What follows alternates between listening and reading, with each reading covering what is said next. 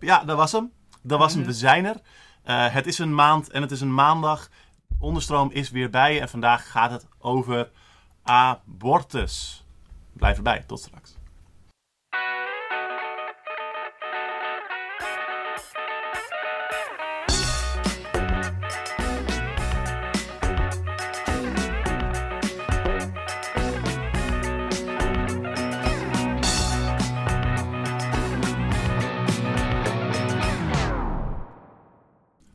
Oké, welkom.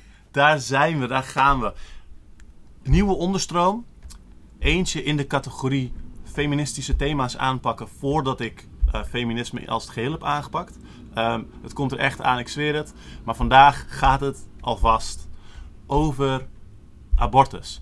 Ik ben natuurlijk Alex eh, en ik zit hier met eh, Rodante. En wij gaan het samen hebben over, over abortus. Maar eerst over Rodante zelf. Rodante, welkom. Dankjewel. Leuk dat je er bent. Ja, dank voor de uitnodiging. Kun je iets vertellen over, eh, over jezelf voordat we het thema induiken? Zeker, ja. Ik ehm, ben verloskundige in Amsterdam-West in de eerste lijn, dus dat betekent in een groepspraktijk. Ehm, en ik schrijf een proefschrift ehm, over reproductief geweld, dus eigenlijk over geweld in alle fasen van de zwangerschap. Dus ofwel geweld rondom abortus of geweld rondom de bevalling. Ehm, en dat doe ik een beetje vanuit feministische filosofie en de zorgethiek hoek. Ehm, Mhm. En ik geef lessen op de universiteit. Ja. Ehm, en je hebt ook een podcast. En ik heb ook een podcast, dat klopt. Ik heb een podcast die heet Contractions. Eh, Contractions, The Politics of Midwifery. En die gaat over eigenlijk de politiek van de verloskunde. Of politieke kwesties die spelen in de verloskunde. En ehm, dat, dat komt vast nog wel een paar keer naar voren. Eh, ik plaats een link bij de, eh, bij de notities. Ehm, deze, deze podcast is dus in het Engels, zoals je hoort. Ehm, maar alsnog heel interessant. Ehm, en je bent ook actief bij ANA. Klopt. Ik ben vrijwilliger bij het Abortusnetwerk Amsterdam. sinds twee jaar nu. En het abortusnetwerk dat is eigenlijk deel van een breder netwerk eh, rondom abortus in Europa. En dat heet het Abortion Without Borders netwerk. En wij ehm, ma- maken het eigenlijk logistiek en praktisch mogelijk voor mensen uit andere plekken in abortus die daar geen toegang hebben tot abortus om in Nederland een abortus te krijgen. Ehm, en dat zijn voornamelijk mensen uit Polen. Ehm, en daar, daar gaan we later nog, nog meer over hebben. Want ab- abortus, je, hoort je er tegenwoordig weer, weer meer over eigenlijk. Eh, maar het is eigenlijk altijd een, een, een, een interessant en een politiek relevant eh, en een belangrijk ding geweest. Ehm, en ik vind het ook heel fijn om eh, iemand in de podcast te hebben die actief is bij, bij ANA. Om ook te vertellen over dit werk. En dat je dan dus ook daadwerkelijk met, met verloskunde ook nog bezig bent. En dat, dat vind ik gewoon heel fijn. Dus Mhm. nogmaals hartelijk welkom. Om dan te beginnen, wat, wat is abortus eigenlijk? En eh, wat is abortus en waarom is het soort van omstreden of relevant? Mhm.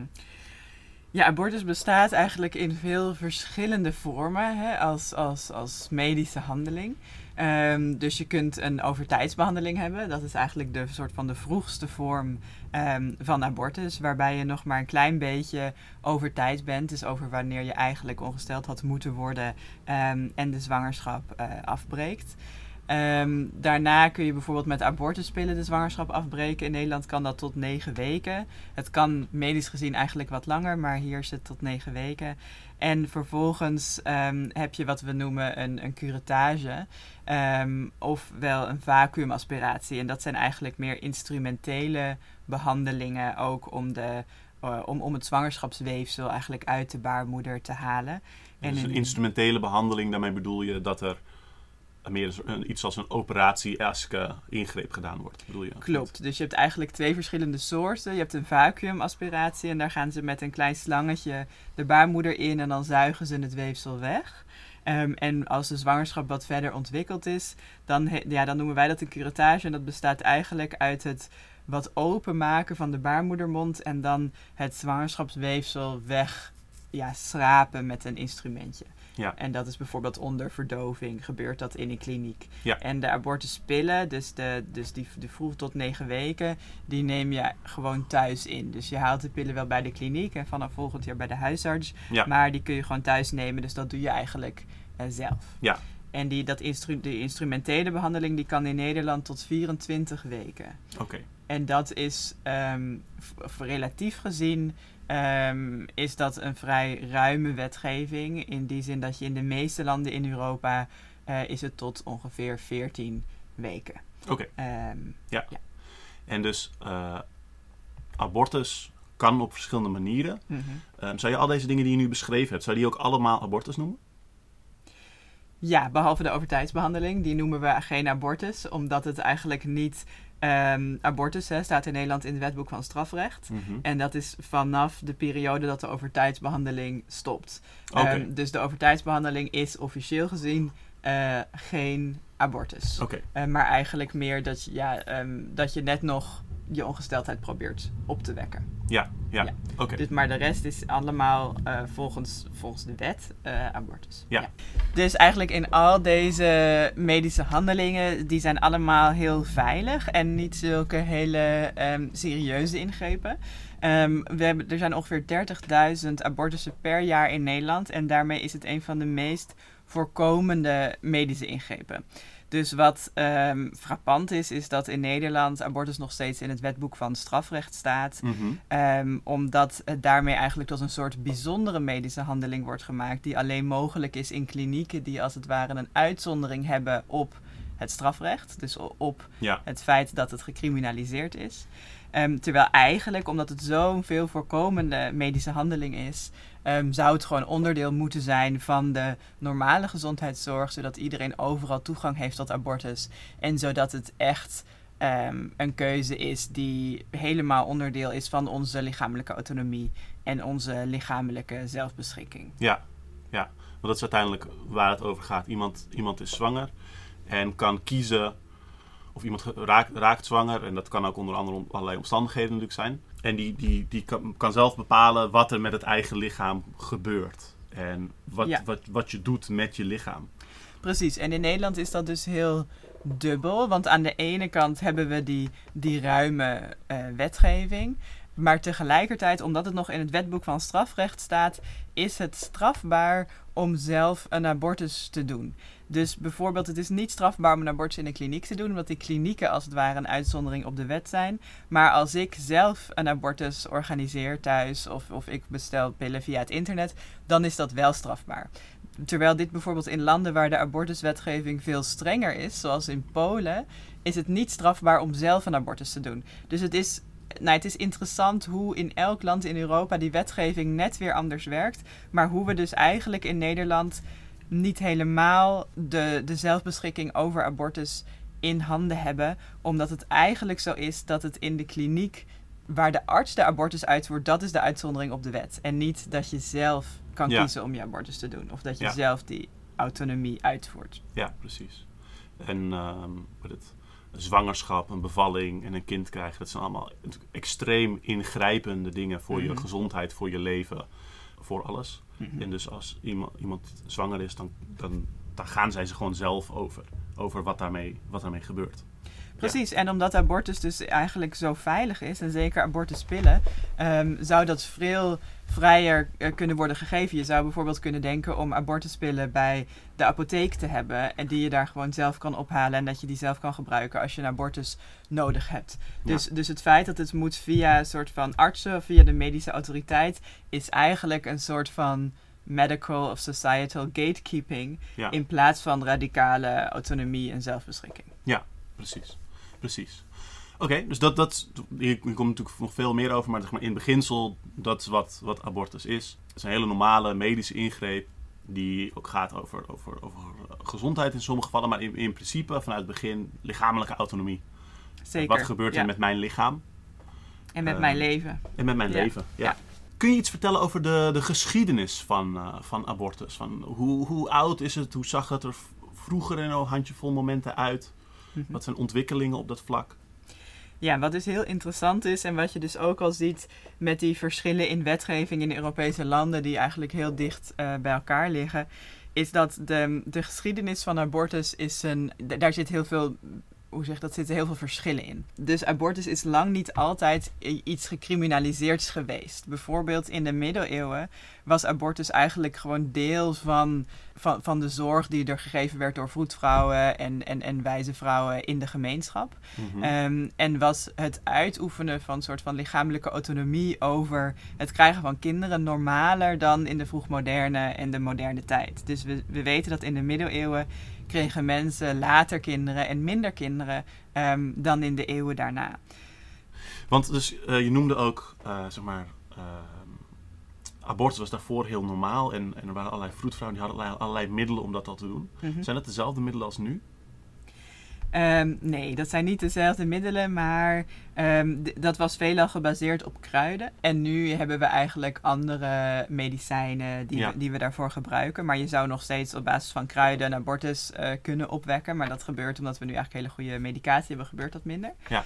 Ehm, maar wat wel interessant is, is dat veel van de middelen die we nu in klinieken gebruiken om een abortus uit te voeren, die zijn wel ontwikkeld of, of, of uitgevonden door diezelfde illegale abortusnetwerken of diezelfde ondergrondse Ah, abortusnetwerken. Dus bijvoorbeeld vacuumaspiratie, dat is eigenlijk een instrument dat is gebaseerd op een instrument dat is gewoon uitgevonden in, ehm, in een abortusnetwerk in Amerika, in, in achterkamers, Ja. ehm, om, de, om dat mogelijk Oh, te maken. Ja. En ook bijvoorbeeld misoprostol is eigenlijk een medicijn voor de darmen. En abortusactivisten en, en, en, en, en, en voetvrouwen en dokters ehm, die ondergronds met abortus bezig waren, die kwamen erachter dat het ook een aborterende werking heeft. ja. En nu gebruiken we dat in de kliniek. ja, dus het ja, is wel interessant dat eigenlijk de kennis die in de medische klinieken zit, veelal voortkomt uit Ja, diezelfde ondergrondse Ja. netwerken. en die, die originele kruiden zijn die dan ook vaak verwerkt in bijvoorbeeld eh, meer soort van de, de pilversies van dingen? Of, of dat niet per se? Dat, dat wisselt heel erg. Dat ligt eraan per medicatie. Maar volgens mij, de, de, maar ik weet dat niet precies. Maar de misoprostol is, is dat volgens mij niet. Ja. Nee, nee. Nee. En je noemde ook bijvoorbeeld inderdaad eh, mensen die heel erg op hun, eh, op hun, op hun maandcyclus let- letten. Bijvoorbeeld, ik weet dat er heel veel mensen overal al een hele lange tijd gewoon soort van bepaalde kralenkettingen gebruikten om dat Mhm. bij te houden en dat soort dingen. Ja, Wat dan precies. ja. Dus dat is ook allemaal kennis die er, die er speelde. Dus er was eigenlijk best wel veel. Er is ook een mooi boek over Eve's Herbs. Ehm, er was best wel veel kennis gewoon gedurende eh, de oudheid en de middeleeuwen over hoe. ehm, of, of meer kennis dan we denken over hoe je je vruchtbaarheid kan reguleren. Ja, Ja, ja, ja. Oké. Oh, dat is gra- grappig. Ik ken een, ik ken een liedje. Dat is eh, Tamlin. En dat is een soort middeleeuwse ballade. Ehm, en die is, die is ook opnieuw uitgevoerd door wat moderne eh, muzikanten. Maar het gaat heel erg over dat een, eh, een vrouw dan, dan zwanger wordt. En, maar ze, ze, dat was van een van de soort van vage gast in het bos ergens. Ehm, dus ze was van, nou ja, dat ga ik gewoon niet doen. Dat gewoon, dat gaat niet. En toen, eh, en toen ging ze daar een soort van kruiden plukken om daar iets aan te doen. Eh, en toen komt ze hem daar tegen. En eh, dat ze ook zegt, ja, maar ik ben gewoon een of andere vage, vage in het bos, wat moet ik nou? Eh, en dat hij dan zegt, nee, nee, maar ik ben een betoverde prins. En je moet gewoon daarheen gaan en dan zul je zien dat ik, eh, dat ik in een of andere gekke soort van feeënparade geketend zit. Maar als je me dit en dit doet, dan verander ik eerst daarin. En dan moet je me vasthouden, dan moet je, verander ik daarin, dan moet je me vasthouden. En dan uiteindelijk zal ik weer terug veranderen naar whatever. Hmm, En dan kunnen we een leven hebben. hmm, Maar dat is volgens mij ook best, eh, zeg maar, dus van voor, voor die tijd. hmm. Eh, en dat het meer soort was van. Dus dat het eigenlijk normaal was dat zij die abortus ging organiseren. En, ja, Ja, en dat, die, ja. dat die man ook soort van was van.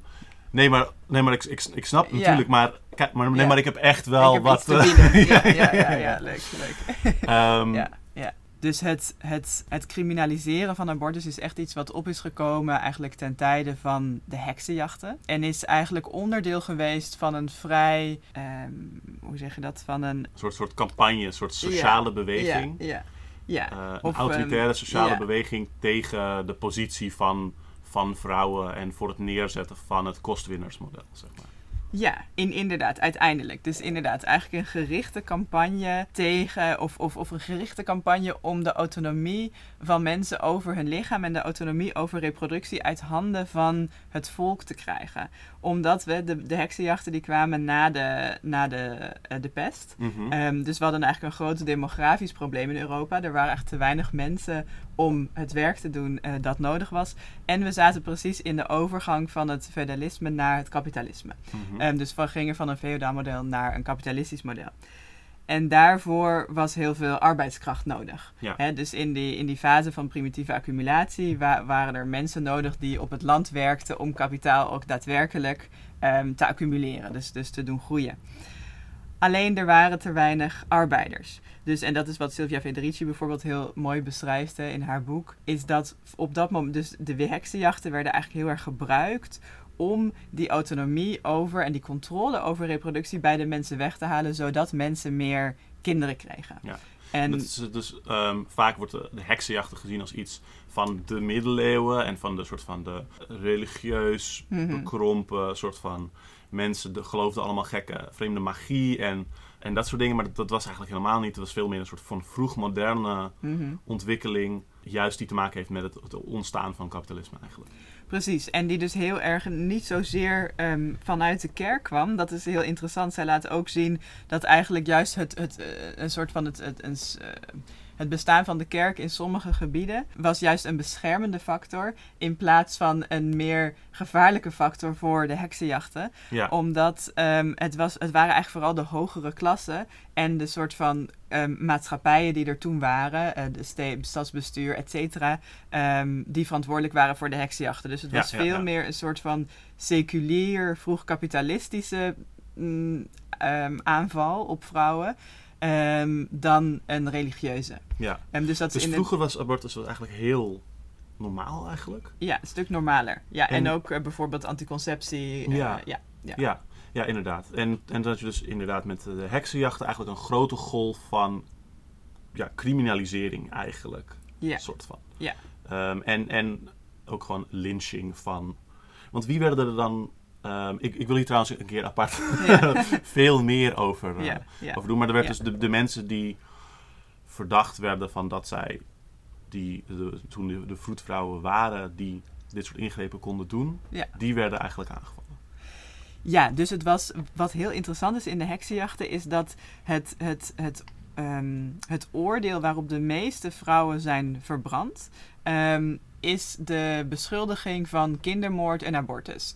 Dus ehm, dat was niet zozeer dat een heks iemand betoverde en, en, en weet ik veel wat, maar dat was echt het, het soort van het, de doorslaggevende misdaad was abortus en kindermoord. Ja. En daardoor, omdat, omdat ze dus eigenlijk die aanpak over die reproductie in handen wilden krijgen, werden voornamelijk eh, vrouwen die ehm, wisten hoe je eh, een abortus kon, kon doen, of die wisten hoe je ehm, bepaalde vormen van anticonceptie ehm, nou ja, in de praktijk kon brengen, maar bijvoorbeeld ook gewoon het niet hebben van seks volgens een soort kalendermethode. Ja, Al die dingen werden gecriminaliseerd. En vroedvrouwen werden dus heel bewust, of, of eigenlijk werd heel gericht op vroedvrouwen eh, gejaagd, als je dat zo ja, kan zeggen. En in het meest beroemde ehm, boek over de heksenjachten eh, in die tijd, dat is eh, geschreven zo eind 15e eeuw en is twee eeuwen lang in, ehm, eh, in Europa heeft dat geseculeerd en is nog geherdrukt tot eind van de 17e eeuw.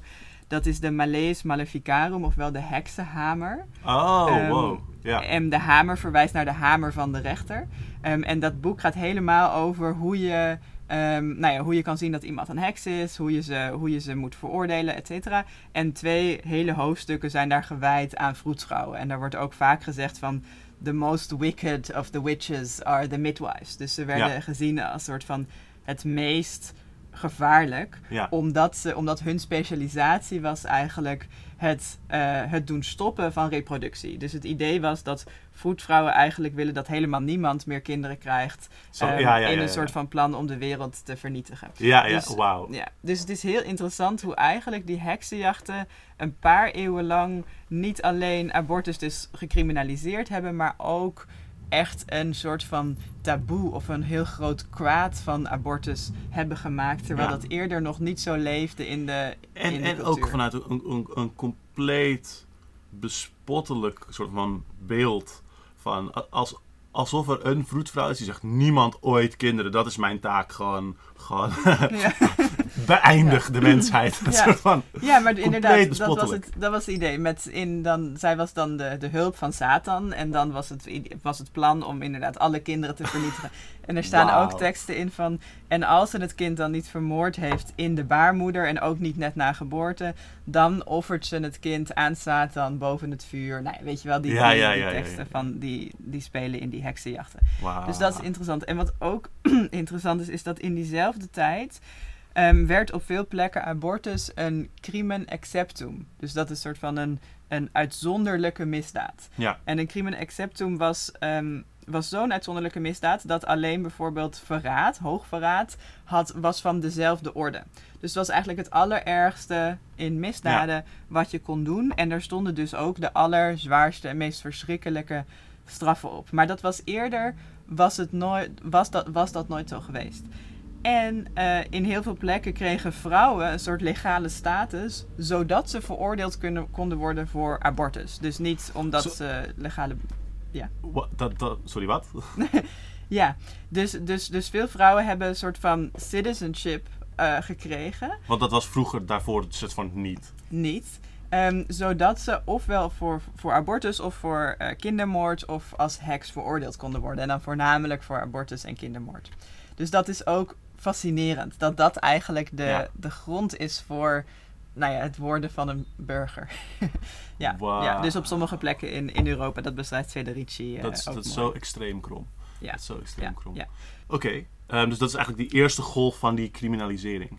Precies, en, en Ehm, dat heeft dus eigenlijk heel goed gewerkt, omdat abortus vanaf die tijd werd het dus als het ware iets, iets ondergronds. Of iets wat je, wat je stiekem moest doen. Iets wat dus weg was bij de gewone eh, kennis van, van de gewone mensen in een gemeenschap. Ja. Maar iets wat, nou ja, wat ondergronds moest. En dat is eigenlijk eeuwenlang zo gebleven. Ja, ja, ja. Dus we hebben dan eh, abortus eigenlijk heel normaal in, in Europa en vanuit Europa die, die, die heksenjacht.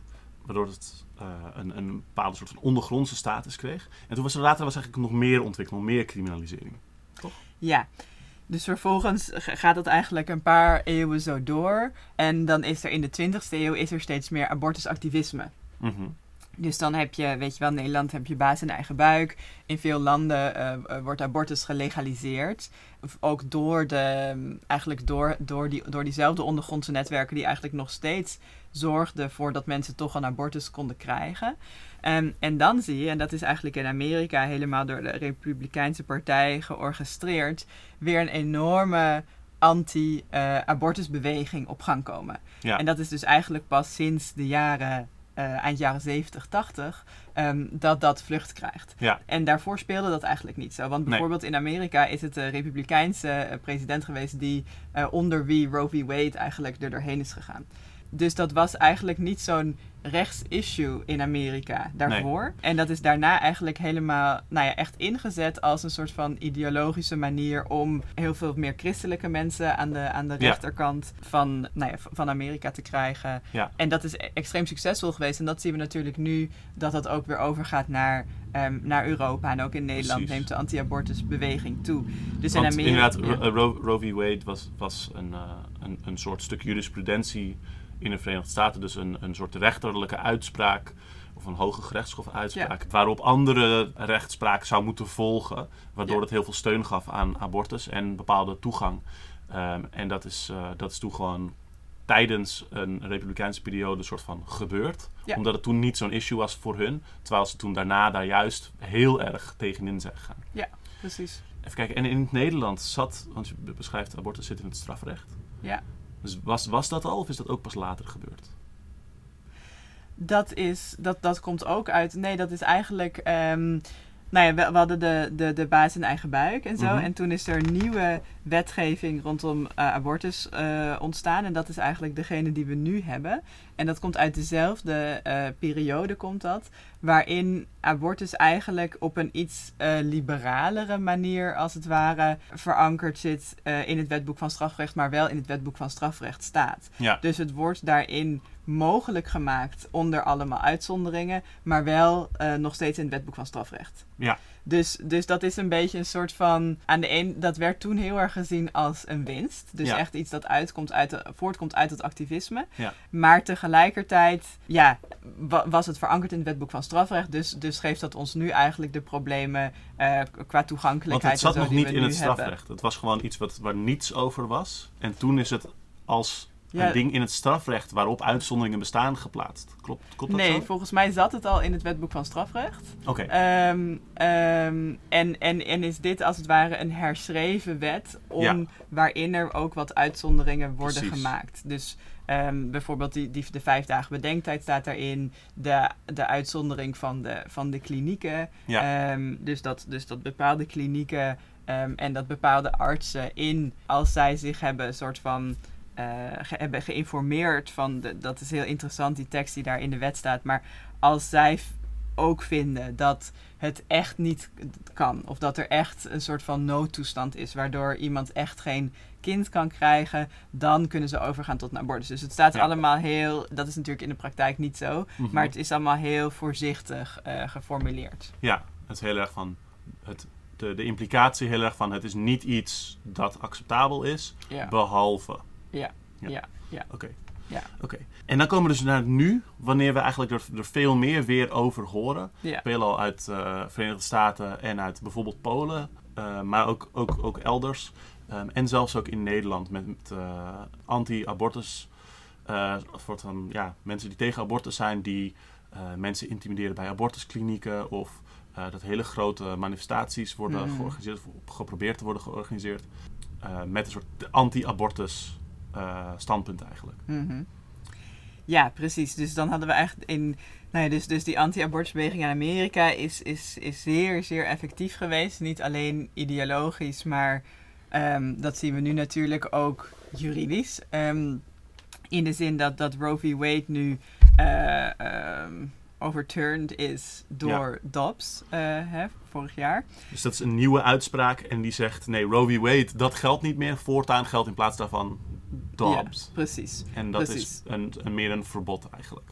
Nou, het is niet echt een verbod, maar het geeft, want Roe v. Wade was een soort van precedent waardoor alle individuele staten in Amerika zelf konden kiezen, ehm, of, of niet, niet meer zelf konden kiezen, sorry, over hoe ze met abortus omging. Dus Ro- Roe v. Wade maakte eigenlijk op nationaal niveau abortus een mensenrecht Oké, omdat het dus, om, maar al- alleen als precedent. Dus het is niet heel erg goed verankerd in het Nee. recht. Maar door die rechterlijke uitspraak ehm, was het een precedent voordat Ja. eigenlijk iedereen eh, nou ja, daar zelf autonomie over heeft. en daarom hadden ze in de VS ook voorafgaand al die strijd die we eigenlijk soort van hier ook hebben om het uit Precies. die situatie te houden en in het in een gewone wet te zetten. Dit kan gewoon. Ja.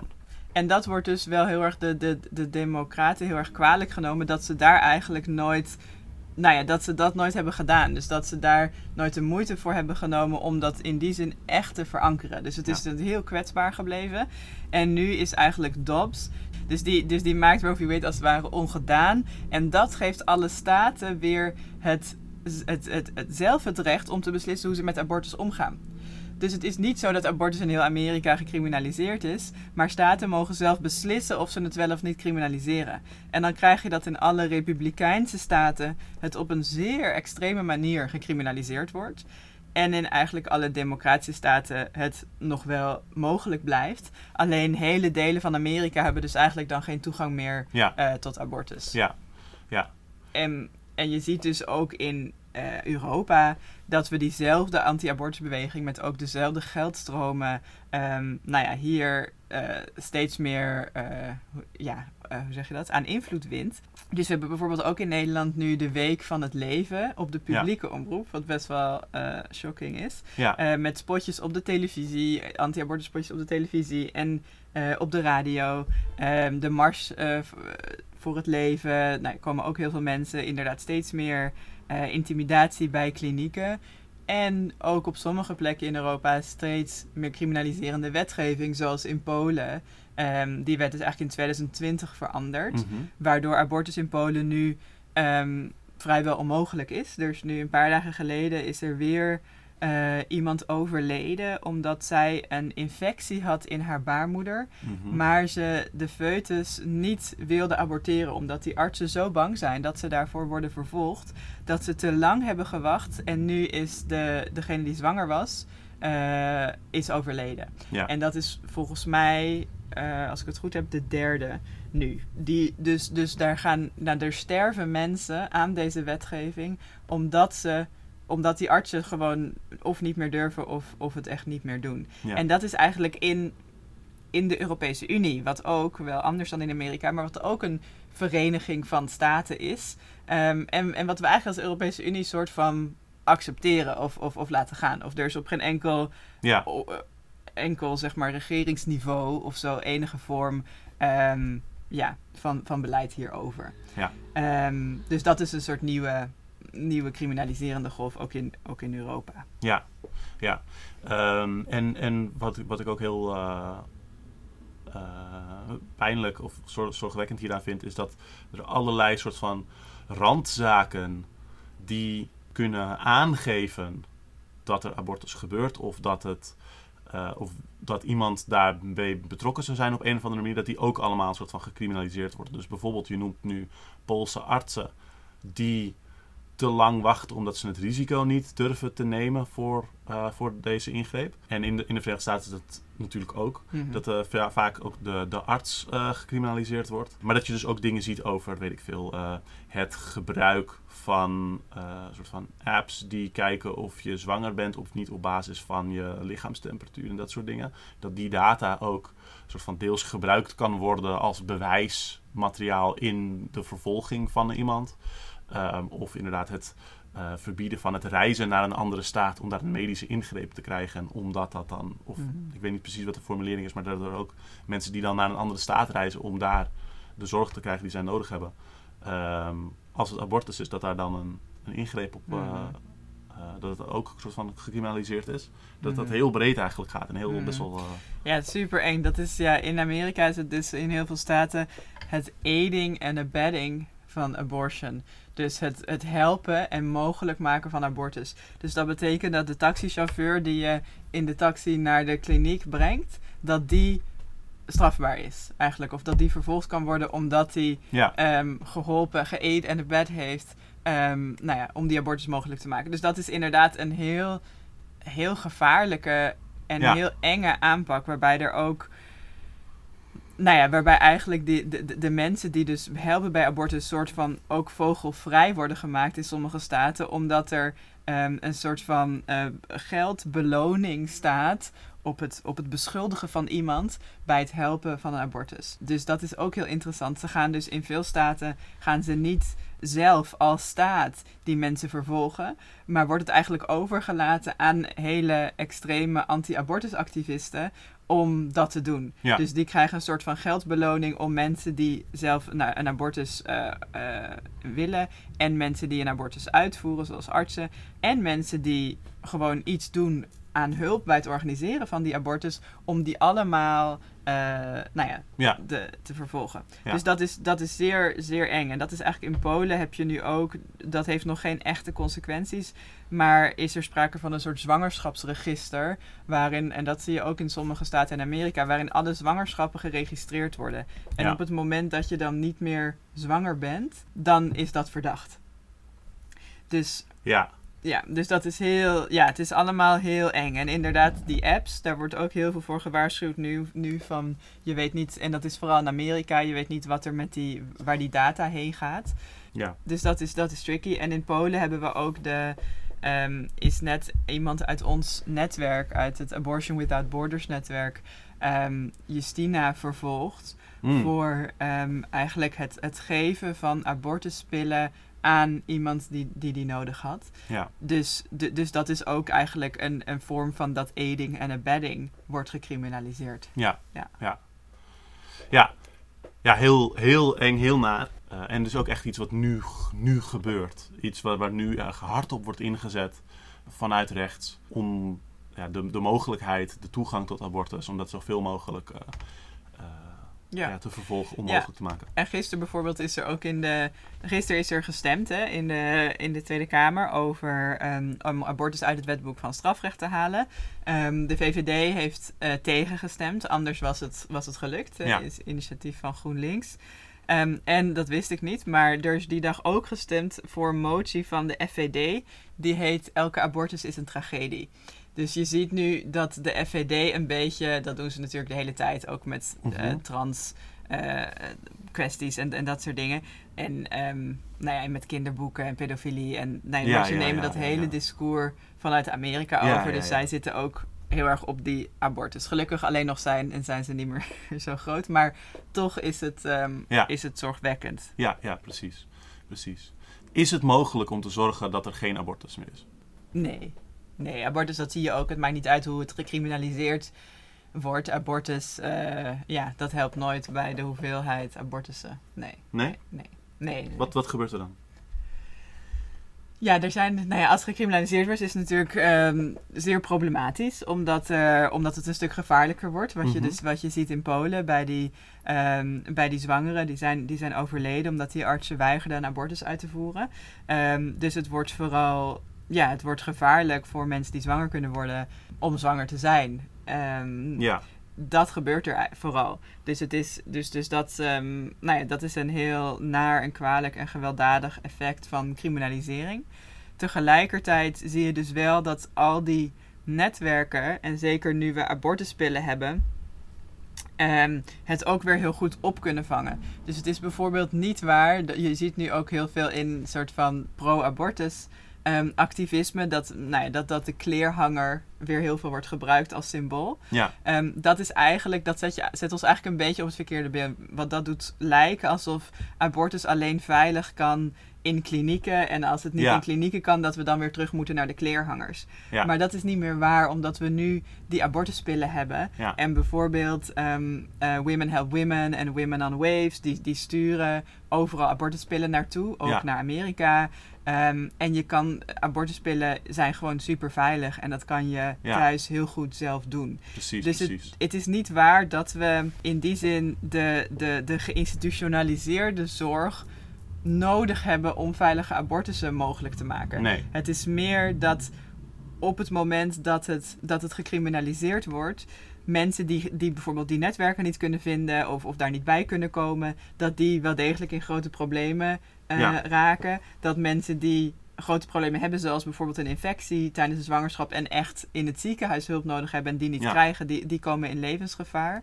ja. Dus En- maakt abortus vooral een soort van onveilig voor mensen die niet de toegang hebben tot de juiste kennis, et cetera, et cetera. Ja, of tot de, tot de juiste netwerken. Ja. En het maakt abortus vooral onveilig in termen van criminalisering. Dus het is het meest, het meest onveilige daaraan is nog niet zozeer de, de, de medische situatie eromheen, maar ook vooral dat op het moment dat je een abortus hebt gehad, dat je daarvoor kan worden vervolgd. En Ja. dat is natuurlijk Ja. ook heel onveilig. Ja. Ehm, dus in die zin ehm, denk ik dat het belangrijk is om dat eh, activisme of dat discours een beetje te, te weerleggen van alle abortussen die niet, in, die niet in de handen van de staat georganiseerd worden, zijn onveilig. Precies. Naar we kunnen veilige abortussen organiseren zolang we daar niet, zolang dat niet gecriminaliseerd wordt. Precies, precies, precies. Dus dat, is wel, dat vind ik een hele, hele, hele fijne inderdaad. Want dat, dat beeld van die, van die kleerhanger, soort van, wat, wat zo heel erg een beeld is van een soort van hele, soort van, ik denk aan een soort van heel onveilig soort abortusingreep. Met een heel soort van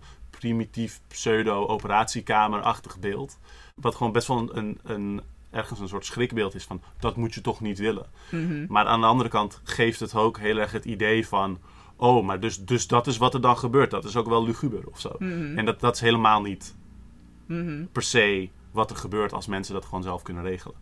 Nee, precies. Ja. Dat, en zeker nu niet meer. Maar ook bijvoorbeeld vroeger. Kijk, het is natuurlijk een heel sterk beeld geweest voor de legalisering van abortus. Dus Ja. in die zin is dat, is dat belangrijk. En wa- er waren natuurlijk veel soort van back-alley abortions die onveilig waren en waar mensen aan, aan stierven.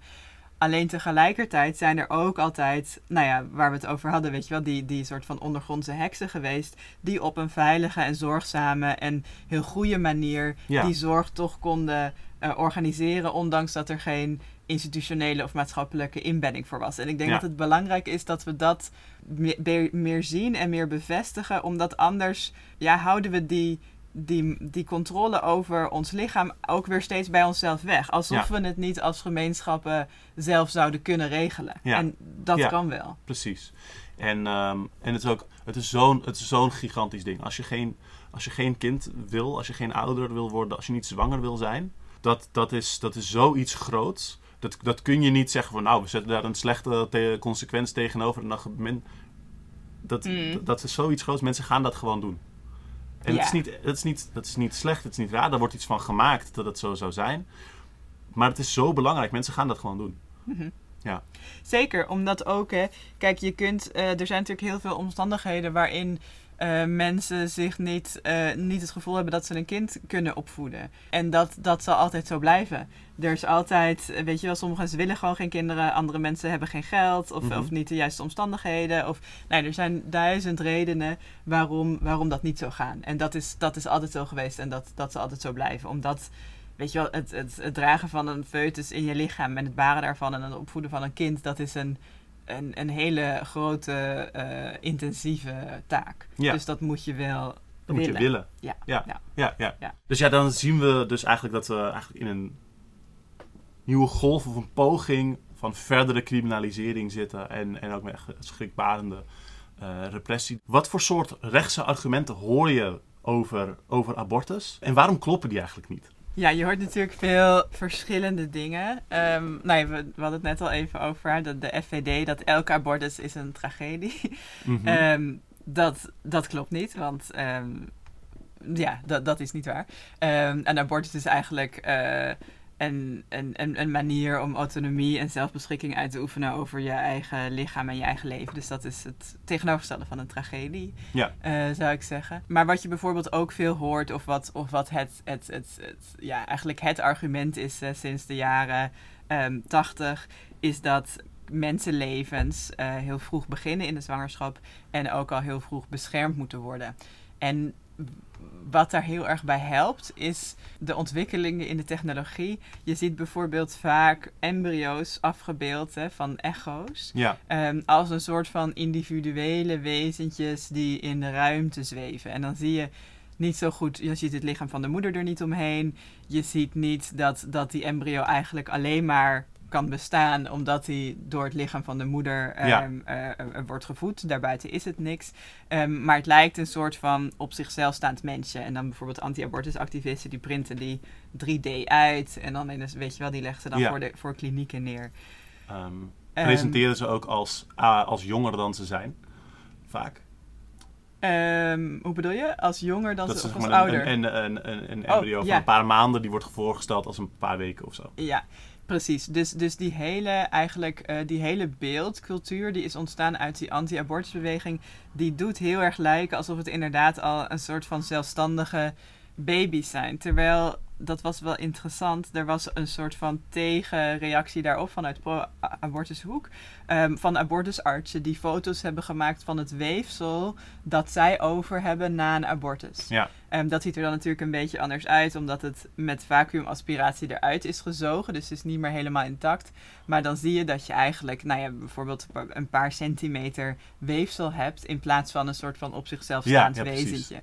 Dus, nou ja, dus dat is interessant. En ik denk dat die moderne technologie ehm, heeft heel veel invloed op hoe we kijken naar zwangerschap. en ook kijken naar het moment van conceptie. Dus wanneer de zwangerschap eh, begint.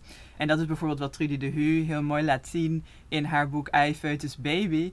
Is hoe we nou ja, steeds anders daarover na zijn gaan denken. Eerst als een ei, toen als een foetus. En nu hebben we het vaak over een baby. Vanaf het moment dat je, nou ja, dat je net een paar weken zwanger bent.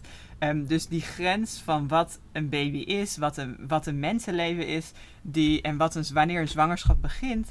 Die schuift in onze tijd en in onze beeldvorming daarover heel erg op. En dat is eigenlijk het, het, het voornaamste argument dat, dat anti-abortus eh, bewegingen gebruiken om... Die zeggen eigenlijk vanaf het moment dat een, een eicel bevrucht wordt, is het een baby eigenlijk. Ja, Dat is meteen, dat is een baby, dat is een mens. precies. En dat laten ze dan dus zien met, met inderdaad, met, met al die afbeeldingen. En dat is dus best wel effectief. Omdat, dat, omdat al die afbeeldingen, weet je, dat leeft in de hoofden van mensen. Ehm, dus daarmee hebben ze een goede, goede strategie in handen. Ja. Terwijl tegelijkertijd kan je natuurlijk denken dat, dat deze bescherming van leven, die is zeer beperkt. Want die bescherming van leven gaat eigenlijk alleen maar hè, bij, die, bij die rechtse bewegingen over het beschermen van leven in de baarmoeder. Ja. Maar zodra dat het uit de baarmoeder is, houdt die bescherming ineens op. Dus de vraag is in hoeverre gaat dit echt om de bescherming van leven of Ja. om het controleren van reproductieve Ja. lichamen. Want aan, in de, e- aan de eh, ene zijde is het dus een bevruchte eicel is al een baby. Ehm, en dat, dat, dat telt als een, een, een, mensenleven. En, en, en daar is een heel ding over, dat, dat moeten we dan beschermen. Terwijl dat, dat is gewoon een arbitrair punt. Dat is een willekeurig punt vanaf daar. Mhm. En het is ook precies het, het punt dat dat dus betekent dat allerlei soort van eh, eh, dingen rondom abortus, of ook nog zeg maar daarvoor het weer opwekken van menstruatie, et cetera, dat dat allemaal criminaliseert. Maar dat, daar is het soort van omgedaan. Terwijl het helemaal niet per se een redelijk moment is om te kiezen. Want Mhm. technisch gezien, een eicel is ook een levend ding. En een Mhm. spermacel is ook een levend ding. Dus wanneer begint dat leven dan? Mhm. Weet je, is gewoon, je, er is gewoon, er is een, een, een soort van levenscyclus en er is gewoon een punt gekozen. En waar je dat plaatst, dat is, dat is gewoon, dat is gewoon niet een, een soort, dit is de objectief waar het gebeurt. Of zo. Ja. Nee, dat is inderdaad dus, dus heel historisch arbitrair. En dat is interessant van de heksenjachten. Dat in de heksenjachten werd het dus ook samengenomen. Bijvoorbeeld ehm, impotentie eh, bij mannen en ehm, een abortus bij vrouwen werd gezien als dezelfde soort eh, misdaad of dezelfde soort zwarte magie van vroedvrouwen. Dus vroedvrouwen konden worden berecht voor het veroorzaken van impotentie en voor het veroorzaken van abortussen. Dus dan zie je dat, dat die grens van wanneer je als het ware leven teniet doet, Ja. die kan zelfs voor het moment van conceptie liggen. Ja. Dus dat, is in, dat zijn inderdaad allemaal arbitraire historische grenzen die dus ook steeds veranderen. Ja. En die niet zoveel te maken hebben met wat nu waarheid is, ehm, maar meer met hoe verschillende ideologieën en hoe verschillende groepen eh, daarnaar kijken. Ja. En, en dus het, en, en dat is ook wat de HU mooi laat zien, het, het, het idee, nu zitten we echt in een tijd waarbij die zwangerschap voor, eh, voor, de, voor, voor de 20e eeuw bijvoorbeeld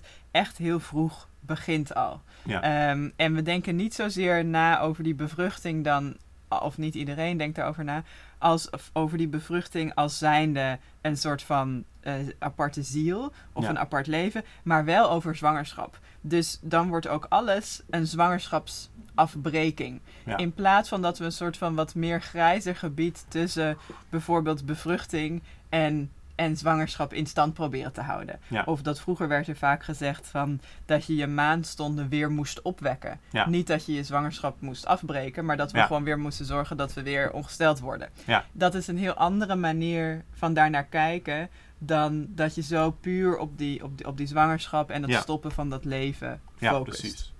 Precies.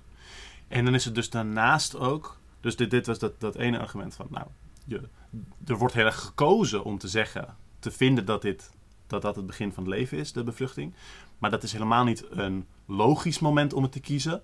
Eh, laat staan dat dat altijd zo geweest is. Dat is iets dat bedacht is om, om dit ding te doen. En daarnaast is het dus de hele soort van selectieve keuze voor... Waarop gebruik je dat argument van een mensenleven? Mhm. Dus bij een, bij een zwangerschap is dat belangrijk. En dan is, dan is het elke, elk verloren, eh, tussen haakjes mensenleven, is dan een tragedie. Mhm.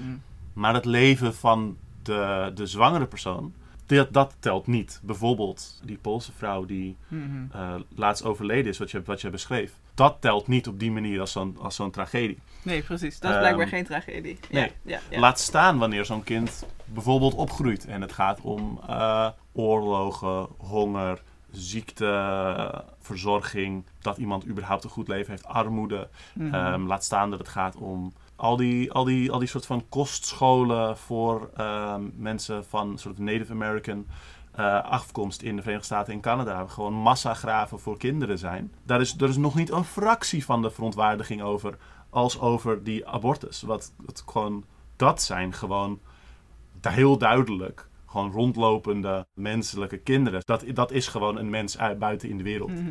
Terwijl de eh Mhm. foetus natuurlijk gewoon Mhm. iets dat in een mens groeit, dat iets kan worden. Mhm. Maar Ja. Precies.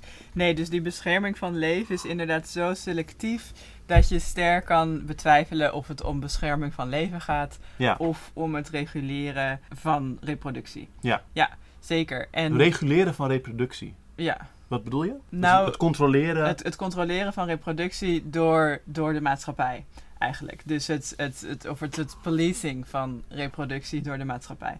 Eh, door discipline, of het disciplineren van reproductie door de maatschappij. Dus eigenlijk dat je de, de controle over je vruchtbaarheid weghaalt bij die persoon Ja. wiens vruchtbaarheid het is. En, en als samenleving je daartegen aan gaat bemoeien en dat, Ja. gaat, dat gaat reguleren. Ja. Dus in die zin denk ik dat, dat, dat de- dit argument hè, van het beschermen van ongeboren leven is veel meer een soort van manipulatieve manier om ja, lichamen die zwanger kunnen worden eh, te disciplineren of in, of in Ja. de hand te houden, dan dat het echt om bescherming van leven gaat. Want Ja. precies zoals je zegt, ja, daarna hoeft dat leven ineens niet zo veel Nee, meer beschermd te worden. Of we zien, weet je wel, of dakloosheid. het leven van de, van, de, van de zwangere, dat telt ook niet. Precies, precies. Ja. En, en je ziet in Nederland hè, dat dakloosheid onder jongeren en kinderen dat, dat, dat, dat verdubbelt. Dat stijgt enorm de laatste jaren. Dat is blijkbaar een minder relevant issue Ja. ehm, dan het beschermen van, van embryo's die, die eigenlijk die helemaal niks zijn. Nog. Ja, precies. En daar, zit, daar zit een soort, ehm, zeg maar, het is zo'n een, een conservatief argument. Ehm, en dat heeft ook te maken, dus als je kijkt naar die geschiedenis dus van, de, van, de, van de heksenjacht, de opkomst van moderniteit en ook van het, van het dat het vanuit de conservatieve politiek als zodanig eigenlijk is dat beschermen van leven is helemaal niet de rode draad, maar de, de rode draad is veel meer het neerzetten van een bepaald model van het gezin en het neerzetten van een bepaalde productie van nageslacht, zodat die kunnen werken en dingen kunnen produceren en op een bepaalde manier kunnen leven. Het gaat in, eh, vanuit het conservatief verhaal het gaat om het controleren van vrouwen als mensen die voortplanting doen voor de samenleving. Ja. En er zijn natuurlijk allerlei andere mensen die ook zwanger kunnen worden. Eh, Mensen die trans, non-binair, intersexe mensen zijn, et cetera, et cetera. Maar vanuit het conservatieve idee is het het, het, is het, het controleren van vrouwen Ja. om te, te produceren Ja. en eerder ook om dus vooral thuis actief te zijn en eh, Ja, daarom zie je... Ja, onderdrukt en volgzaam. Precies. En daarom zie je ook in Amerika bijvoorbeeld, dat is heel interessant, dat al die anti-abortuswetgeving, die gaat eigenlijk hand in hand op met anti-trans wetgeving. Ja. Dus het gaat inderdaad heel erg om het disciplineren van eh, een bepaald soort vrouwelijkheid. Mhm. Ehm, en het, en het ehm, hoe zeg je dat, het, het, het gevangen houden daarvan. Mhm. Dus het, het, het gevangen houden van mensen in een genderdichotomie als, ja, om een conservatieve samenleving voor te zetten. Ja. En de rode draad in dat verhaal is eigenlijk nog niet eens zozeer ideeën over hoe we zouden moeten leven, maar is eigenlijk eh, de geschiedenis van het kapitalisme dat, ja, die de kerk en, en, en conservatieve eh, bewegingen nu als een soort ideaal op zich hebben genomen. Ja, Maar het is natuurlijk eigenlijk nou ja, het, het expropriëren van, van, van de gemeenschap, van de, van Ja. de meent, het, het, het introduceren het kapot van... maken van wat er daarvoor was. Ja. Om iets nieuws neer te zetten. Dus ex- expropriëren van de meent. Bedoel, een soort van het gedeeld land, gedeelde ruimte, onderlinge structuren die mensen zelf hadden voor steun en voor, voor dingen die zij nodig hadden. Dat is kapot gemaakt en afgepakt met de opkomst van, van kapitalisme. Ja. inderdaad. Precies, en de, en de installatie van eh, loonarbeid. En, natuurlijk, en wat natuurlijk op mannen neerkwam. En de gratis reproductieve arbeid van vrouwen. Ja. Dus het kapitalisme heeft het nodig dat er heel veel mensen eh, gratis werk leveren. Zoals het maken van kinderen, het verzorgen van kinderen, et cetera. Om dat kapitalisme draaiende Ja, te houden. precies. En dat is, eh, nou ja. Precies, Ja. Inderdaad. Ik noem dat in, mijn, in de kapitalistische de, de aflevering Wat is kapitalisme? Noemen we, dit, noemen we dit ook, omdat er vaak wordt gedaan uit is dat de loonarbeider wordt uitgebuit. Maar eh, de loonarbeider heeft eigenlijk een soort, soort eh, er wordt gezegd dat, is, dat moet een man zijn in, in die, eh, zeker in dat moment. Dat is nu een soort van sommige opzichten anders, maar en die heeft een, een soort onbetaalde ondersteunende kracht. En dat is de vrouw. En die moet allemaal werk doen waar de loonarbeid van afhankelijk is. Dus zij doen dat Precies. eigenlijk samen. En zij worden ook Dat is, daarom is het ook zeg maar, dat beeld van het kerngezin. Die twee die doen, dat, die doen dat samen. Maar de ene heeft al het geld in handen. Die heeft al het aanzien. Ja. Die doet werk. En die andere, poeh, ja, die... Nou, die andere moet, moet kinderen Precies, produceren. precies. Ja, maar dat, dat wordt voor sommige, Ja. in sommige opzichten dan als een heel groot ding ja. en een soort heilig ding gezien. En in andere opzichten gewoon compleet niet geaccepteerd als Ja. werk, et cetera. Zeker, ja, en dat gaat natuurlijk vaak samen. Het, wordt, het is een heilig ding dat geen werk is. dat, Ja, of- ja, ja. En dat is natuurlijk ook interessant aan Silvia Federici, is dat zij hadden in de jaren zeventig dat is de Wages for Housework Mhm. eh, beweging. Dus zij eisten eigenlijk loon voor ehm, huishoudelijk werk. Ja. Niet omdat ze nu geloofden dat een soort van basisinkomen of, of, of een soort van loon voor het werk dat ze deden de problemen zou oplossen. Maar eigenlijk omdat dat een soort van ehm, katalysator van een revolutie zou kunnen zijn. Omdat het kapitalistische systeem dat niet aan zou kunnen. Ja. Dus je kan, het, het- ja, je kan niet alle gratis arbeid die er nu in gepompt wordt Ja. betalen. Want dan, dan werkt Ja. het niet meer. Dus een soort Dus- ontmaskering van... Precies. Kijk, als je zou betalen voor al het werk dat gebeurde, dan zou je het niet redden. Ja, En Ja. als dat het feit is, dan is het dus per definitie een uitbuitend systeem. Ja, Oké, precies. ja, heel interessant. Ja. En, maar als je dus met iemand praat die bijvoorbeeld tegen abortus is, dan kun, je, dan kun je dit ook, denk ik, noemen. Dan kun je ook zeg maar zeggen van, maar zie je dat je, dat het, eh, zeg maar, het is heel goed dat jij om mensenlevens zegt te geven. Het is heel goed dat jij mensenlevens geeft. Waarschijnlijk iemand die je gewoon zomaar te spreken zou krijgen, die vindt dat waarschijnlijk ook. Die is, die is niet soort van, ik ga alle, alle, eh, alle vrouwen controleren. Ehm, die vindt waarschijnlijk dat hij om mensenlevens geeft. Ehm, en dan kun je ook zeggen, nou ja, ik, dat is heel goed. Maar snap je dat dit argument wordt aangedragen door mensen om dit ding te doen, terwijl het in heel veel andere opzichten gewoon niet genoemd en verwaarloosd wordt. En dat de, de zwangere ook een mens is. Mhm. Ehm, en, en dat je dit helemaal niet kunt controleren. Dat het is zo'n groot ding, het is zo'n belangrijk ding in iemands leven. Daar gaan zij keuzes zelf over maken. Mhm. En het, het, het is eigenlijk heel oneerlijk en heel onkrom en eigenlijk heel onoprecht ook. Van bijvoorbeeld van de mensen die daar in de media heel erg op gaan en daar echt een soort industrie van maken om anti-abortus te zijn. Het is eigenlijk heel onoprecht en, en manipulatief van hun tegenover, tegenover ook deze, een persoon die je zou spreken die anti-abortus is. Ehm, om dat argument daar zo voor te gebruiken, terwijl er tegelijkertijd al deze andere dingen zijn die we gewoon zouden kunnen doen om mensenlevens te, be- te beschermen. Precies. En, en- ja, precies. En dat er dus een soort van. eh, er zit een tegenstelling. Je kan niet en het leven van een ongeboren embryo beschermen. en bijvoorbeeld het leven van degene in wie dat ongeboren embryo zit. Ja, Dus het is. En, en dat is heel naar ervan. Van, van door het soort van positief te framen als het beschermen van ongeboren leven. laat je weg daaruit dat het beschermen van dat leven inhoudt. dat je iemand anders dwingt tot een gedwongen zwangerschap. en Ja. vervolgens tot gedwongen gratis arbeid voor 18 jaar, Ja. nee, voor 18 jaar lang. En dat is natuurlijk, dat is, dat is ook hoe Sophie Lewis hier naar kijkt. Maar dat is een soort van, eigenlijk is het dan een forced labor-achtige situatie.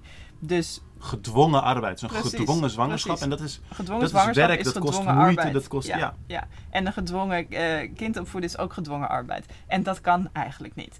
Hmm. Ehm, dus, dus dat is denk ik belangrijk om te, om te begrijpen. Dat, dat, nou ja, dat je kan, je kan dat... Je kan die embryo's of die zwangerschappen kan je niet uit het lichaam van de zwangere tillen en dat als soort van individuele entiteiten beschermen. Dat is gewoon niet mogelijk. Ja. Dus ehm, dat gaat altijd ten koste van iemand anders. En de prijs die ze daarvoor moeten betalen is dus heel erg eh, groot. Ja. Ja. En wat misschien nog even ook belangrijk is om te zeggen, omdat je die ehm, eh, kostscholen eh, in Canada en in Amerika aanhaalde, oh ja, is dat wat ook interessant is aan abortus, is dat er altijd met twee maten eh, wordt gemeten. Dus bijvoorbeeld Françoise Vergès, die laat in haar boek eh, The Womb of Capital, heet het volgens mij als ik me niet vergis, zien hoe in de jaren zeventig er een hele sterke eh, anti-abortuscampagne in Frankrijk was. Ja. Ehm, dus rondom de legalisering van abortus, dat is pas de tweede helft van de jaren zeventig gebeurd, is er echt heel lang een heel sterke campagne tegen dat legaliseren in gang gezet. Met ook al die foto's van embryo's en, en Ja. echo's en et cetera. En precies in dezelfde jaren is er op het eiland uh, Réunion, dat nog steeds uh, deel is van het Franse territorium, zijn er daar heel erg veel abortussen uitgevoerd zonder op zwarte vrouwen, zonder dat zij wisten dat ze een abortus kregen. En zijn er ook heel veel baarmoeders verwijderd en, en, en sterilisaties gedaan zonder dat zij daar weet uh, in, van hadden. Dus je ziet dat abortus is, net als alles natuurlijk, maar een heel erg geracialiseerd probleem. Um, en er wordt in die zin altijd met twee maten gemeten welk leven we nu precies aan het beschermen zijn. Of welk leven we willen reproduceren. Dus je ziet eigenlijk in dezelfde tijd dat witte abortussen helemaal gecriminaliseerd werden en gedaan werd alsof dat iets verschrikkelijks is. Terwijl er abortussen um, werden uitgevoerd op, op zwarte vrouwen in, het, in dezelfde staatsgebied. Ja. Terwijl die dat niet wilden en daar niet eens toestemming voor hadden gegeven. En dat was eigenlijk um, dat was geen groot schandaal. Dat was uh, geaccepteerd. Dat werd normaal soort van gevonden. Of in ieder geval werd gewoon nou gedaan. Ja, Precies, het werd gedaan. Toen het uitkwam, is het wel geproblematiseerd, maar het is geen schandaal geworden. Nee. Dus, dus, en, en dat zie je eigenlijk nog steeds. We hebben nog steeds gedwongen sterilisaties. We hebben nog steeds uh, ook, ook gedwongen abortussen in, in, in, de, in de westerse wereld voor mensen van kleur. Ja. Uh, bijvoorbeeld in Amerika, in die ICE detention centers, gebeuren er ook nog steeds gedwongen sterilisaties. Dus um, ja. het is... Je was toch ook in, uh, in in uh, het bezette Palestina en Israël was er, uh, kwam er een paar jaar terug kwam er iets uit dat zwarte Joodse mensen die daar naartoe verhuisden, dat veel van hen zonder het te weten ook sterilisatie Klopt. kregen. Ja. En alle, maar dus alleen als donkere huidskleur afkomstig uit Afrika dan. Uh, dat is gewoon extreem ja. racistisch. Uh, ja, van, ja. Van, ja, klopt. Van zwarte joden werden hun, uh, werden hun baby's afgepakt in het, in het begin ja, van Israël. Zeker. Maar wat je ook ziet in, in Israël-Palestina is dat het pronatalisme in Israël wordt heel erg gestimuleerd als het aankomt op op, op Joodse ja. mensen. En helemaal niet als het aankomt op Palestijnen. Maar ook in de, in de Palestijnse gebieden. Um, wordt het zo moeilijk gemaakt voor Palestijnen om op tijd door die checkpoints heen te gaan om naar een ziekenhuis te komen, dat, er, dat de mortaliteit bij Palestijnse zwangeren en bij Palestijnse kinderen vele malen hoger ligt. Uh, dan bij Joodse mensen. Omdat ze eigenlijk, nou ja, dus bij die checkpoints worden, ja. Ja, worden getreiterd, oh, zodat ze niet op tijd uit het ziekenhuis zijn. Dus dat is natuurlijk, behalve dat het allemaal ja. zeer kwalijk is, dit ja, ook ja. zeer kwalijk. Ja. En dat, dat, dat, daar zit, daar zit, dat, dat, dat is echt. Dus dat echt is ook eigenlijk een geracialiseerde biopolitiek. Ja. In die zin van welke. Maar, maar dat is natuurlijk zo met die etnische zuiveringen en zo uh, daar. Um, maar daar wordt natuurlijk heel erg, mm, hoe zeg je dat, nagedacht over wat voor een demografie Ja. willen we. En wat, welke groepen willen Ja. we dat reproduceren en welke niet. Het is een soort pro, pro-wit racistische regime in die zin. Ja. En dan, dan gaat het argument, zeg maar, vanaf abortus kom je dan ook heel makkelijk inderdaad naar een soort ding over bredere lichamelijke autonomie. Ja, En jouw, jouw podcast eh, over dus eh, verloskunde eh, gaat, daar, gaat daar ook heel vaak over. mhm. We hebben een aantal, aantal of, voorbeelden ook genomen van, genoemd van hoe dat, hoe dat veel breder, dat soort van het controleren van, van, van zwangerschap en ook voor, voor wie wordt dat aangemoedigd en voor wie helemaal niet, of zelfs gesaboteerd of zelfs gewoon soort van weggehaald. Dat, dat daar eigenlijk veel meer in gebeurt. Waar, ja, waar ik zelf naast abortus voornamelijk mee bezig ben, is, is obstetrisch geweld. En wat, is de, wat is obstetrie? obstetrie, dat is eigenlijk een, een, de medische term voor verloskunde. Oké, oké. Ehm, dus in Nederland zeggen we inderdaad meestal verloskunde. Ja. Maar het is obstetrisch geweld is een beetje de term die uit activisme in Zuid-Amerika voorkomt als een vorm van op gender gebaseerd geweld. Ja. En dat is eigenlijk, heeft dat precies dezelfde soort van tendensen als anti-abortusbewegingen. In, pl- in die zin dat ze de baby, ook tijdens de bevalling en in de zwangerschap, plaatsen we de baby vaak boven degene in wiens lichaam die baby zit. Ja. Ehm, met de gevolgen van dien dat degene in wiens lichaam die baby zit, dat er over haar grenzen heen wordt gegaan. Of Mhm. dat er, ehm, dat er dingen worden gedaan die zij ervaart als geweld. Ja. En waar je dan bijvoorbeeld aan denkt, is dat ze niet zelf kan beslissen over wat er tijdens de bevalling gebeurt. Dat ze Ja. geen bewegingsvrijheid heeft. ehm, dat er bijvoorbeeld een knip wordt gezet. En een knip, dat is eigenlijk tijdens de bevalling een knip in de vagina door alle spieren van de bekkenbodem, waardoor de baby sneller naar buiten komt. Maar in Nederland gebeurt dat in 40% van de gevallen zonder toestemming van degene die aan het bevallen is. Wat natuurlijk vrij absurd is, omdat het extreem grote ingreep als er gewoon Precies. spieren doorgeknipt worden. Precies, extreem grote ingreep in een extreem intiem gebied. Ehm, waar mensen dus ook nog heel lang last van kunnen krijgen. En soms is het het enige wat gedaan kan worden om de baby op tijd geboren te laten worden. Maar altijd, lijkt me vanzelfsprekend, maar is het dus niet, moet dat natuurlijk besproken worden en moet daar toestemming voor worden gevraagd. Ja. En dat zijn dus best wel cho- chockerende cijfers. Het andere cijfer is dat bijna 50% van de mensen die medicatie krijgt tijdens de bevalling daar geen toestemming voor heeft gegeven. Dus we zien ook dat er in de gewoon de reguliere zorg eigenlijk Mhm. een soort van heel sterk paternalisme zit nog jegens zwangere mensen. En dat Dus een paternalisme, een soort van neerbuigend. Van jij, jij, jij kunt niet zelf over dingen bepalen. We hoeven niet te vragen wat jij vindt, wat, jouw wat jouw wensen hierin zijn. precies van wij Slechte weten consent eigenlijk. Ja, of echt slechte consent of geen consent. Wij weten wat goed voor je is en wij weten hoe we dit gaan doen. En je wil ook niet dat je baby doodgaat.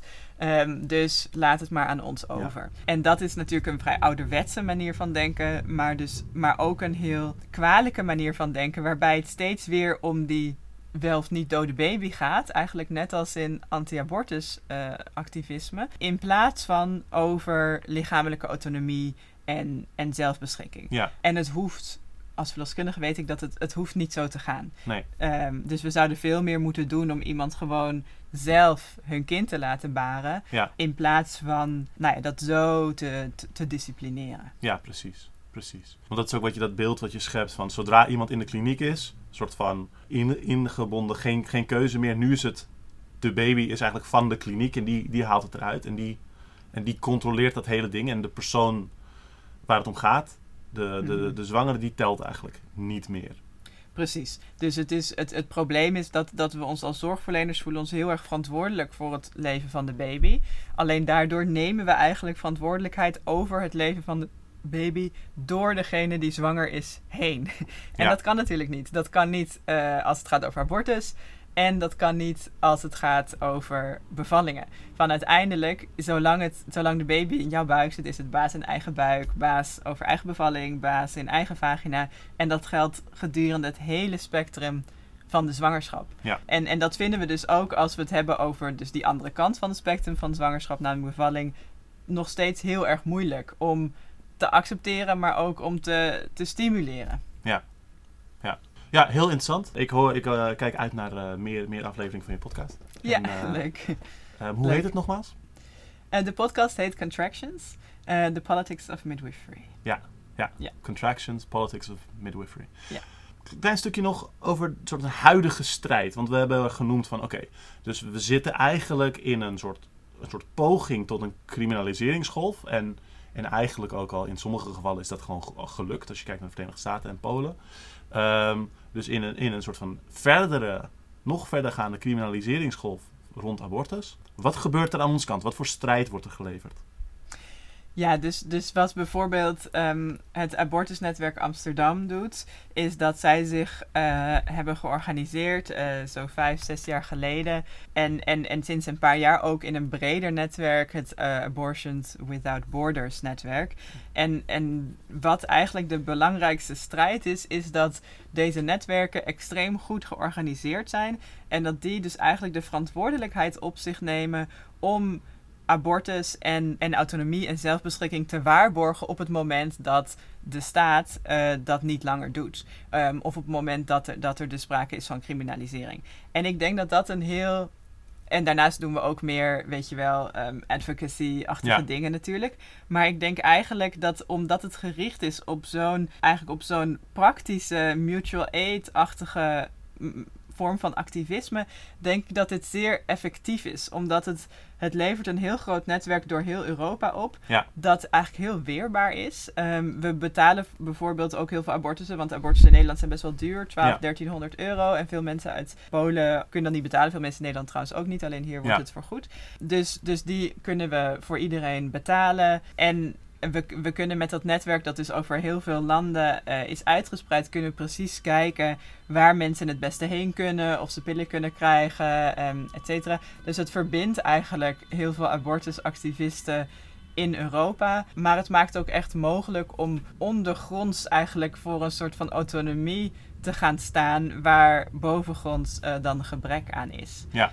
En tegelijkertijd wat ik daar uh, interessant aan vind, is dat er ook een heel andere manier van denken wordt ontwikkeld over abortus. Oh ja. Um, nou, in die zin dat je ziet dat we in de publieke ruimte toch nog steeds heel erg bezig zijn met voorkomen is beter dan genezen. Dus eigenlijk Mhm. willen we het liefst ongewenste zwangerschappen voorkomen in plaats van echt abortus affirmeren als iets dat oké is.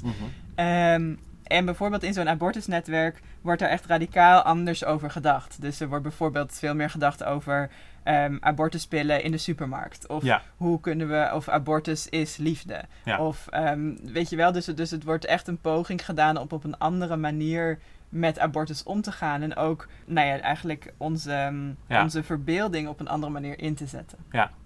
En ik denk, ik denk dat ik vind, ik vind dat heel interessant, omdat soort van dat, dat ding van het schreeuw om leven of zo. Het is heel makkelijk om daar een Mhm. heel sterk soort van, eh, soort van politiek strategisch beeld van neer te zetten. Mhm. Hoewel, on- ondanks dat het eigenlijk soort van niet klopt, het resoneert makkelijk met mensen, Mhm. et cetera. En dan is er vaak een heel voorzichtige, nou, dat is niet helemaal hoe het zit. Is niet altijd het soort van enthousiasmerende antwoord Mhm. dat je er tegenin wil zetten. En wat je, wat je beschrijft ook van dat eh, er allerlei activisten gewoon erg bezig zijn om gewoon die abortus mogelijk te helpen maken voor mensen die het nodig hebben. Dat is natuurlijk heel goed en heel waardevol. Maar aan de andere kant zijn ze gewoon, gewoon met miljoenen aan het lobbyen om mensen dat idee te geven dat abortus niet oké is. En in zekere zin is iemand een abortus bieden gaat niet altijd tegen die lobby in. En dus zeg maar, je moet, je moet ook in de ideeënwereld daarmee mee Mhm. actief zijn. Dus het is heel interessant om te horen Mhm. dat daar wel dingen mee, mee gebeuren. En, Mhm. Want het is ook dus als je iedereen die iets met, met media, met communicatie doet aan onze kant, is eigenlijk heel belangrijk om dus die andere beelden over, over abortus te helpen neer te zetten. Of dat te Mhm. verspreiden wanneer er iets over wordt, wordt, wordt ontwikkeld. Om dat narratief om te draaien. Mhm, precies, ja. En ik denk dat dat, dat, dat meestal, en, en eh, zeker in dit geval, heel erg hand in hand gaat. Dus de praktijk van abortussen mogelijk maken voor mensen, doet je ook op een andere manier nadenken over wat een abortus nu eigenlijk is. Dus, dus dat gaat heel erg samen, denk ik. En wij doen het natuurlijk op een heel andere manier dan, dan in de normale gezondheidszorg. In die zin dat we eigenlijk nooit vragen eh, waarom iemand een abortus nodig heeft. We Ja. stellen echt zo min mogelijk vragen of we Ja. hebben zo min mogelijk informatie, omdat we ervan uitgaan dat dat oké is. En Want iemand dat- hoeft ook in principe niet een reden te geven voor iets dat over hun persoonlijke autonomie gaat. Nee, zeker niet. Maar in veel landen bijvoorbeeld wordt dat toch, of, of als je naar een abortuskliniek gaat, weet je wel, dan moet je daarna een gesprekje hebben over anticonceptie. Wat voor anticonceptie je, je dan nu gaat gebruiken. Nou ja, dat soort dingen. Dus er zitten nog wel een wat Ja, soort van regulerende elementen in. En wij, ehm, en, en bij ons doen we dat natuurlijk helemaal niet. En door een beetje op zo'n iets radicalere manier voor die autonomie te gaan staan en dat ook zo in de praktijk te brengen, ja, komen er ook andere ideeën op over, ja. over hoe je met abortus om zou kunnen gaan. En is dat inderdaad een soort van, niet denk ik een verhaal wat echt ingaat op het verhaal dat van de conservatief-rechtse kant komt, maar wel een, gewoon inderdaad een ander verhaal en een andere ja. eh, verbeeldingswereld die daar tegenover staat. ja, ja. En, en ik bijvoorbeeld, en dat is natuurlijk ook niet alleen in Europa, dat is ook in, eh, in de Verenigde Staten heel erg. En dat zijn ook netwerken waarmee wij weer verbonden zijn. En bijvoorbeeld het idee van abortion is love. Of je hebt ook zo'n groep ehm, in Amerika, ehm, eh, Shout Your Abortion. ja, En die hebben zo'n leuze met Thank God for Abortion. ja, En dat is bijvoorbeeld ook nou ja, een mooie soort van omkering Ja. van eh, abortus en de kerk of abortus en religie samenbrengen als een dank God voor abortus. We zijn dankbaar Ja, ja. voor abortus. Ja. En dat is inderdaad een mooie, denk ik, positieve eh, of meer ja, in, in die zin enthousiasmerende wending precies. eh, dat aan het verhaal wordt gegeven. Precies, precies. En ehm, ehm, af en toe kom je ook dingen tegen die, die eigenlijk ook zo'n een soort vergelijkbare, vergelijkbare insteek lijken te hebben. Maar die dat ook een soort van heel over de top eh, soort van doen. Ehm, en sommige mensen vinden dat een beetje spannend zo. Vind, wat, wat heb jij daar een mening over als bijvoorbeeld, weet ik veel, een soort van harde pro-abortus liedjes? Of uh, dat was, dat was bij Bojack Horseman was er een keer een ding. Of Hmm. heb jij daar een... eh, Ja, ik vind dat zelf leuk. Omdat ik denk ook dat het, nou ja, dat het goed is om op een wat. Of, of tenminste, dat soort liedjes zijn natuurlijk een beetje provocatief. In die Ja. zin dat ze heel ferm voor abortus zijn. Dus, en ik denk dat dat goed is. Want dat laat zien dat. eh, dat gaat eigenlijk niet zozeer in tegen het conservatieve discours rondom abortus, denk ik. Maar een beetje meer tegen het soort van liberale discours over abortus. Waarin abortus een soort van recht is als er niks. Als Ja. er geen andere opties meer zijn. Ja, Ehm, dus het is een soort van plan D of zo als, ja. ehm, als uiteindelijke uitkomst. En ik denk dat dit soort liedjes ehm, maken abortus meer tot een plan A. En, en dat dat, dat, dat oké is. Dus om een soort van radicaal voor het affirmeren van abortus te gaan. Ik denk dat dat werkt, ook al is het eh, provocerend ja, om na te denken over, ja, om, om eigenlijk te ontzenuwen dat abortus iets slechts of een, of, of een taboe zou zijn. Ja. Ehm, en dat is iets wat nog steeds, ook bij mensen die heel pro-abortus zijn, toch heel erg ontzenuwd moet worden. Bijvoorbeeld, weet je wat, het is Ja, oké ja. om één abortus te hebben, want je mag wel een keer één foutje hebben gemaakt. Maar om bijvoorbeeld twee abortussen te hebben of drie of zo, dat is eigenlijk nog steeds iets wat ook in pro-abortus kringen echt een, een taboe is. En om daarvan af te komen, denk ik dat het goed is om wat harder er Ja. tegenaan te gaan. ja, precies. Ja. precies. En dat, dat, dat soort dingen die hebben altijd hun, hun plaats en hun ruimte.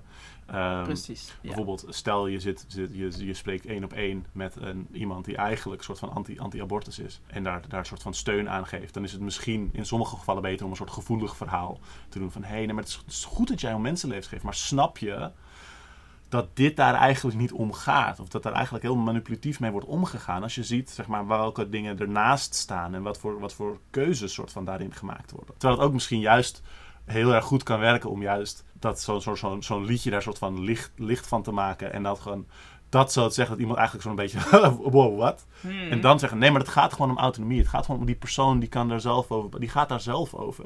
Hmm. En bla. Dat, dat kan allebei goed zijn. Precies. En, ik En ook denk, voor onszelf ja. is het natuurlijk, als we zelf er iets over willen zeggen en we kunnen gewoon, nee, nee, nee, fuck het gewoon. Het is Mhm. gewoon goed. Mhm. Precies, en ik denk ook dat dat soort liedjes eh, voor mensen die een abortus hebben gehad of hebben gedaan zelfs. eh, bijvoorbeeld voor mijzelf zijn dat soort liedjes een soort van eh, een opluchting. Of het maakt voor mij, ook al ik heb zelf abortus gehad en ik ehm, eh, ben daar helemaal oké mee. Alleen je leeft in deze samenleving, dus je voelt je alsnog soort van... eh, het is moeilijk om helemaal weerstand te bieden aan het, aan het schuldgevoel of zo daarover. En met zo'n soort van heel grappig, pittig, affirmatief liedje geeft dat mij, of, of dat verlicht mij van enige vorm van schuldgevoel. En dat, en dat zegt eigenlijk van, weet je het is, je, je kan hier eigenlijk nog meer voor gaan staan. Of je kan Ja. hier nog trots, of trots is een beetje moeilijk woord, maar je kan hier nog voor jezelf ja, nog bevestigender in zijn dan dat je het alleen maar soort van accepteert of tolereert van jezelf. Dus ik denk in die zin dat dat Ja. bevrijdend is. Ja. Ja, ja, ja. Oké, uitstekend. We hebben het gehad over Anna en hun werk. We hebben het gehad over jouw eigen podcast. Eh, we hebben het gehad over, hoe heette dat internationale abortusnetwerk ook alweer? Abortion Without Borders. Abortion Without Borders. Dat hebben we eerder genoemd. Dat gaat ook nog in de notes erbij zitten. Heb jij dan nog laatste dingen voor de mensen thuis op de fiets bij de afwas? Waar je ook bent. Jij, ik praat met je. Ja? Nou, nee, ja, ik weet niet. Misschien een leuke. Wat kunnen mensen thuis? Kunnen mensen thuis iets doen om te helpen? Zeker, mensen kunnen doneren aan ons aan Abortusnetwerk Amsterdam. Ja? Eh, dus daar zijn we altijd blij mee van. Dat geld worden eigenlijk alleen ehm, transportkosten, eh, overnachtingskosten en abortussen betaald. Ehm, dus we hebben een Instagram en een website, allebei te vinden onder Abortusnetwerk Amsterdam. Ja. Ehm, en dan stimuleer je eigenlijk het, het hele netwerk. Wat, wat mensen ook kunnen doen is kijken, weet je wel, waar ze wonen. Want er zijn natuurlijk heel veel eh, organisaties in Nederland, ook eh, collectief vrije keuze en samen Ja. naar de kliniek. Die altijd, denk ik, mensen en vrijwilligers eh, nodig hebben, wij ook. Ja. Ehm, dus als je je in wil zetten hiervoor van kijk wat er gebeurt in jouw omgeving en Ja, hoe je daarbij aan kan sluiten. Ja. Ja. En als je bij een politieke groep zit die, di- die af en toe dingen, dingen doet en kan doen, dan kun je van daaruit misschien ook zeg maar, zulke groepen benaderen. Van kijk, kunnen we, kunnen we iets doen? Of is er een, eh, weet ik veel, is er een, eh, een, eh, een manifestatie waar je bij kan uitsluiten, waar je bij kan helpen? Is er anti-abortus propaganda waar zomaar iets mee zou kunnen gebeuren? Et cetera, et cetera. Zeker, ja, ja zeker. Ja. Nou, prachtig. Ja, leuk. prachtig. Dan dankjewel. eh, wil, ik je, wil ik je bedanken. En jullie luisteraars, ik vond het een heel fijn gesprek. Ik ook. Ehm, dank. voor en eh, uitnodiging. misschien zien we nog een keertje terug of iemand anders. Ik wil, we hebben het een beetje over Caliban and the Witch gehad. En daar wil ik eigenlijk al heel lang wil ik daar gewoon een deep dive in. Mhm. Dus daar, daar hou ik mijn hart voor vast, mijn vingers gekruist.